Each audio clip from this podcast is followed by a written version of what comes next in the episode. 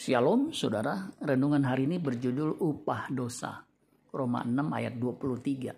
Sebab upah dosa ialah maut, tetapi karunia Allah ialah hidup yang kekal dalam Kristus Yesus Tuhan kita. Dasar dari Roma 6 ayat 23 adalah kejadian 2 ayat 17. Dikatakan begini kejadian 2 ayat 17 tetapi pohon pengetahuan tentang yang baik dan yang jahat itu janganlah kau makan buahnya sebab pada hari engkau memakannya pastilah engkau mati. Akibat dosa adalah maut atau kematian kekal. Untuk itulah setiap orang perlu dimerdekakan dari dosa. Kemerdekaan yang sejati hanya ada di dalam Kristus. Galatia 6, 5 ayat 1. Supaya kita sungguh-sungguh merdeka, Kristus telah memerdekakan kita. Karena itu berdirilah teguh dan, dan jangan mau lagi dikenakan kuk perhambaan yang sungguh-sungguh bisa memerdekakan kita dari dosa hanyalah Kristus. Kematian Kristus di kayu salib memerdekakan kita dari dosa. Jika Kristus tidak mati di kayu salib, semua manusia akan meluncur masuk neraka.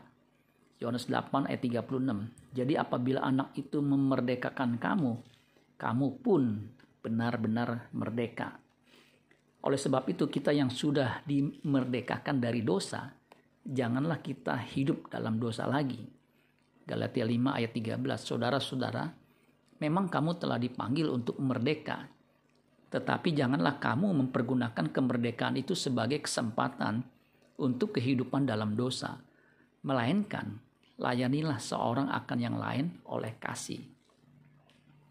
Kehidupan setelah dimerdekakan dari dosa adalah hidup dalam kekudusan sebagai akibatnya adalah hidup kekal. Hidup kekal adalah buah dari keselamatan yang dikerjakan oleh Kristus dan hasil dari respon kita terhadap penebusan yang dikerjakan oleh Kristus.